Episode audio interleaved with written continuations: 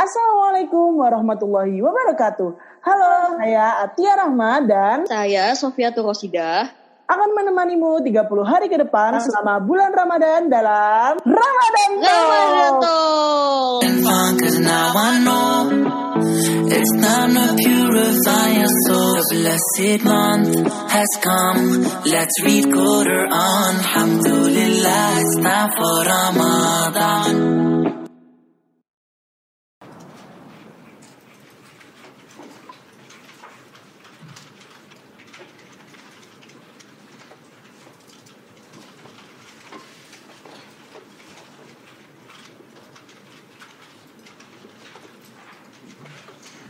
Bismillahirrahmanirrahim. Assalamualaikum warahmatullahi wabarakatuh. Halo teman-teman pendengar podcast Zero 4. Salam kenal sebelumnya. Kenalin, nama gue Fauzan. Di edisi kali ini gue dikasih topik tentang pencapaian hidup. Topik yang menurut gue cukup berat. Karena menurut gue topik ini tuh general banget ya untuk setiap orang. Jadi barat kata kalau topik ini dikasih ke 100 orang, mungkin bisa jadi 100 episode untuk masing-masingnya. Karena gue yakin bahwa masing-masing orang itu punya point of view-nya sendiri. Dan kali ini gue mau coba sedikit berbagi tentang arti pencapaian hidup menurut pandangan gue. Pertama, kalau kita lihat dari definisinya sendiri, tentu pencapaian hidup adalah sesuatu hal yang ingin seseorang capai dan perwujudannya pun bisa bermacam-macam. Contohnya profesi. Ada orang yang capaian hidupnya ingin menjadi dokter, pejabat negara, penulis, pebisnis sukses, CEO suatu perusahaan ternama, youtuber, atau bahkan seorang guru di pedalaman Indonesia Timur. Selain karir atau profesi, mungkin ada yang capaian hidupnya itu berupa perwujudan sosial ekonomi. Memiliki rumah misalnya, mobil, atau mungkin aset berharga yang cukup untuk menghidupinya hingga masa tuanya. Atau bahkan capaian hidup ini bersifat agamis, seperti menjadi penghafal Al-Quran, hafiz atau hafizoh. Ini semua merupakan gambaran bahwa capaian hidup seseorang ini bisa sangat beragam bentuk dan jenisnya. Lantas pertanyaannya, apakah kita semua sudah memiliki capaian hidup masing-masing? Kalaupun sudah, pertanyaan selanjutnya adalah apakah capaian capaian tersebut sudah berhasil kita capai? Oh iya, bicara mengenai capaian hidup seolah kita nggak akan bisa melepaskannya dengan tujuan hidup seseorang tersebut. Karena menurut gua, capaian hidup atau target hidup adalah manifestasi dari tujuan hidup yang kita miliki. Sedikit mengutip ayat suci Al-Quran dalam surat Az-Zariyat, surat ke-51, ayat ke-56 yang artinya, Aku tidak menciptakan jin dan manusia, melainkan agar mereka beribadah kepadaku. Gue yakin mungkin teman-teman semua juga sudah familiar dengan surat ini. Dari surat ini, satu hal yang harus kita yakini bahwa manusia ini diciptakan oleh Allah untuk beribadah. Ada satu reason di sini. Dan makna ibadah ini pun bisa kita interpretasikan ke dalam banyak hal. Mungkin akan butuh pembahasan khusus kali ya untuk satu materi ini sendiri. Tapi point of view yang ingin gue sampaikan, apa pun capaian hidup yang sedang kita perjuangkan, atau bahkan capaian-capaian yang sudah kita dapat, maka penting rasanya jika kita harus memastikan bahwa capaian-capaian ini sudah merupakan manifestasi dari surat ayat ke-56. Teman-teman semua, selanjutnya tentu capaian hidup seseorang itu tidak sepenuhnya akan tercapai. Karena sudah sunatullah ya, bahwa semua yang kita rencanakan ini memang belum tentu sesuai dengan apa yang kita harapkan. Jika kita coba flashback ke dalam sejarah dalam Islam, butuh berapa generasi, butuh berapa tahun, hingga akhirnya Konstantinopel mampu Islam taklukkan. Tepatnya pada tahun 1453, ketika Sultan Muhammad Al-Fatih mampu untuk menaklukkan Konstantinopel yang sudah digadang-gadang sejak lama.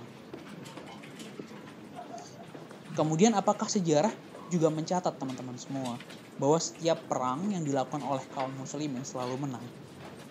Ya, jawabannya tidak.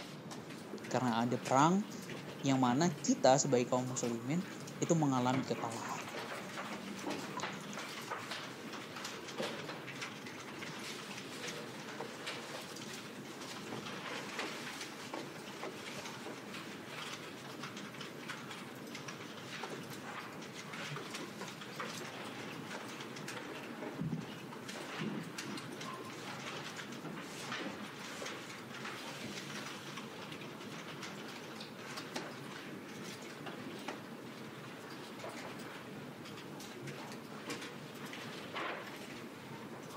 Berbicara dengan konteks apa yang kita inginkan dan kemudian tidak terrealisasi.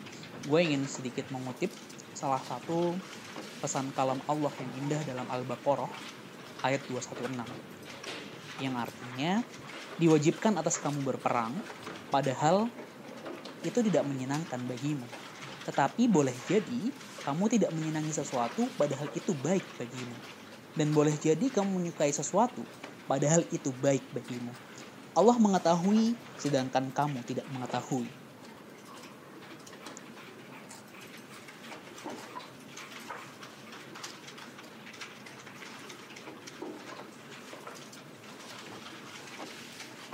Apa nih harus kita pahami? Ketika kita menerima hasil dari ikhtiar yang sudah kita perjuangkan, yakni bersyukur dikala berhasil dan bersabar jika sebaliknya. Karena semua itu ada hikmah. Karena apa yang Allah takdirkan itulah yang terbaik untuk kita.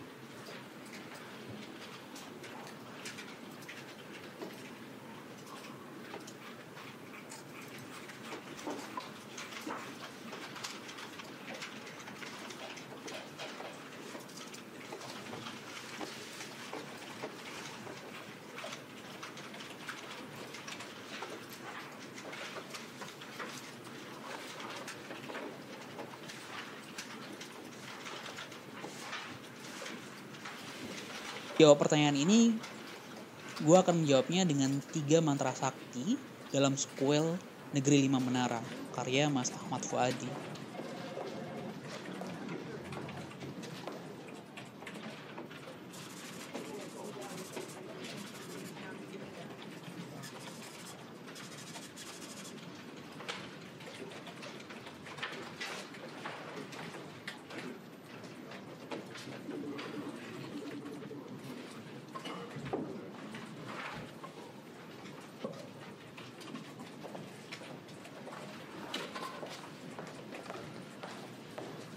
Dia yang akan sampai.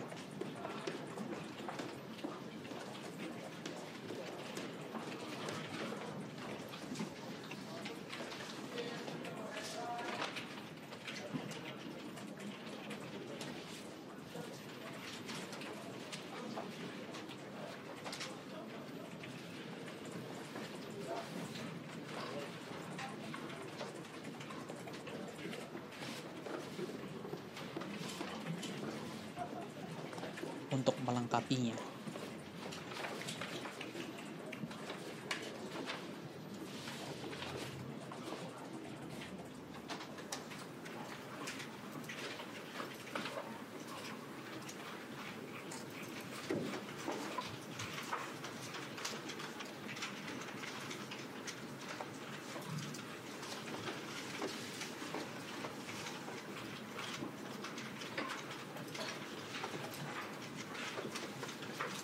Yang kita akan uh, lalui itu adalah jalur undangan. Atau waktu itu namanya adalah jalur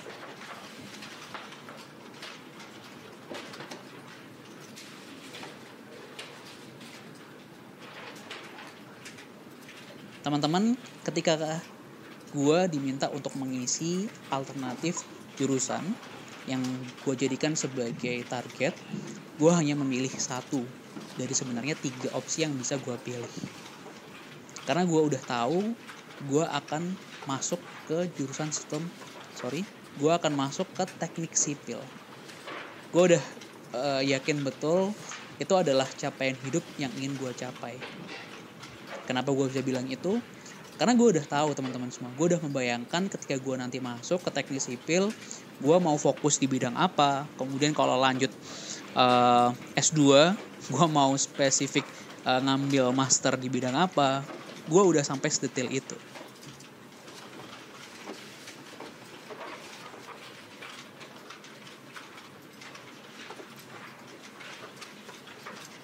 Optimisme gue itu qadar Allah hasil jalur undangan uh, menunjukkan hasil yang tidak sesuai dengan ekspektasi gue gue gagal untuk dapetin jalur undangan teknik sipil ITS sedih tentunya sedikit frustrated teman-teman karena gue udah yakin dengan nilai gue dan uh, segala faktor yang gue ngeliat dari historical SMA gue kala itu juga yang gue optimis pasti akan masuk tapi ternyata kepada Allah uh, Allah menakdirkan hal lainnya teman-teman semua oke okay. ya akhirnya dari situ gue uh, paham bahwa dan gue yakini bahwa itu bukan satu-satunya jalan gue bisa masuk teknik sipil ITS karena setelah itu ada jalur tulis tes tulis namanya SBMPTN ya dari situlah gue akhirnya berjuang lebih giat lagi teman-teman semua. Bimbel dua kali sehari dari pagi sampai siang lanjut siang sampai sore uh, kemudian malam coba review mandiri gitu ya. Dan gue hampir ngelakuin itu hampir setiap hari sampai pelaksanaan SBMPTN Nah, sama kasusnya uh, pada SBMPTN, awalnya gue hanya mau milih satu jurusan aja. Karena gue udah yakin sama teknik sipil. Tapi uh, orang tua tidak menghendaki uh, dan menyarankan untuk memasukkan satu alternatif tambahan. Hingga akhirnya orang tua menyarankan jurusan sistem informasi. Yang mana mungkin kala itu gue nggak terlalu familiar dengan jurusan itu. Tapi ya udah, itu adalah keinginan orang tua gue. Akhirnya gue masukin itu sebagai alternatif kedua. Singkat cerita teman-teman semua, ketika hasil pengumuman itu uh, dirilis oleh pemerintah, hasilnya gue gagal untuk masuk teknik sipil ITS.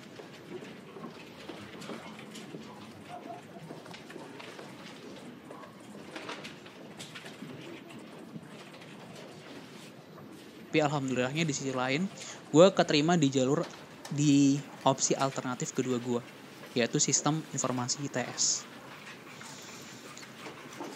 Ya, kenapa gue bilang alhamdulillah ya karena gue tahu bahwa di kala itu ada banyak atau ribuan orang yang ingin masuk kuliah melalui jalur SBMPTN dan belum kesampaian teman-teman. Gak harus uh, mungkin mengikuti jalur mandiri atau mungkin uh, mengikuti ulang gitu ya prosesnya di tahun selanjutnya. Nah, teman-teman semua, satu poin hikmah yang mau gue sampaikan uh, yang mungkin gue bisa jadikan ini sebagai perenungan diri juga untuk gue di kala waktu itu di saat pengumuman SBMPTN gue sangat frustrated karena gue nggak masuk ke jurusan yang gue inginkan. Tapi di titik ini gue sangat bersyukur teman-teman semua. Kenapa gue bisa bilang gitu? Karena alhamdulillah teman-teman empat tahun gue uh, bisa menjalani proses pembelajaran tepat waktu. Dan sebelum wisuda teman-teman gue bisa untuk masuk uh, keterima kerja sebelum wisuda gitu ya uh, ke salah satu unicorn di Indonesia buka lapak gitu ya dengan gaji yang alhamdulillah sangat kompetitif teman-teman. Dan itu sangat gue syukuri hingga saat ini. Karena apa yang gue dapatkan uh, itu banyak sekali keberkahannya. Dan hingga sekarang khususnya untuk keluarga gue teman-teman semua. Ya itulah hidup. Semua guidance sudah Allah sampaikan gitu ya uh, dalam kalamnya yang indah. Maka sangat merugi teman-teman semua jika kita tidak menjadikannya itu sebagai acuan. Akhir kata dari gua teman-teman semua uh, thank you banget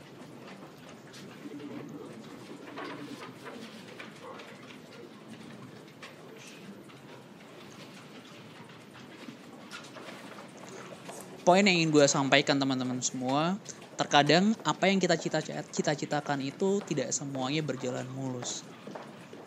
Ada kegagalan-kegagalan yang akan kita capai dan itu wajar teman-teman semua. Namun yang terpenting adalah bagaimana kita bisa meresponnya dengan bijak dan kembali bangkit. Dengan tentunya mengharap ridho Allah akhir kata teman-teman semua thank you banget buat teman-teman yang sudah dengerin podcast episode ini sampai akhir. Akhir kata dari gue mari terus bertumbuh walaupun hanya satu persen setiap harinya. Semoga apa yang kita cita-citakan dalam hidup segera tercapai teman-teman semua. Kurang lebihnya mohon maaf. Wassalamualaikum warahmatullahi wabarakatuh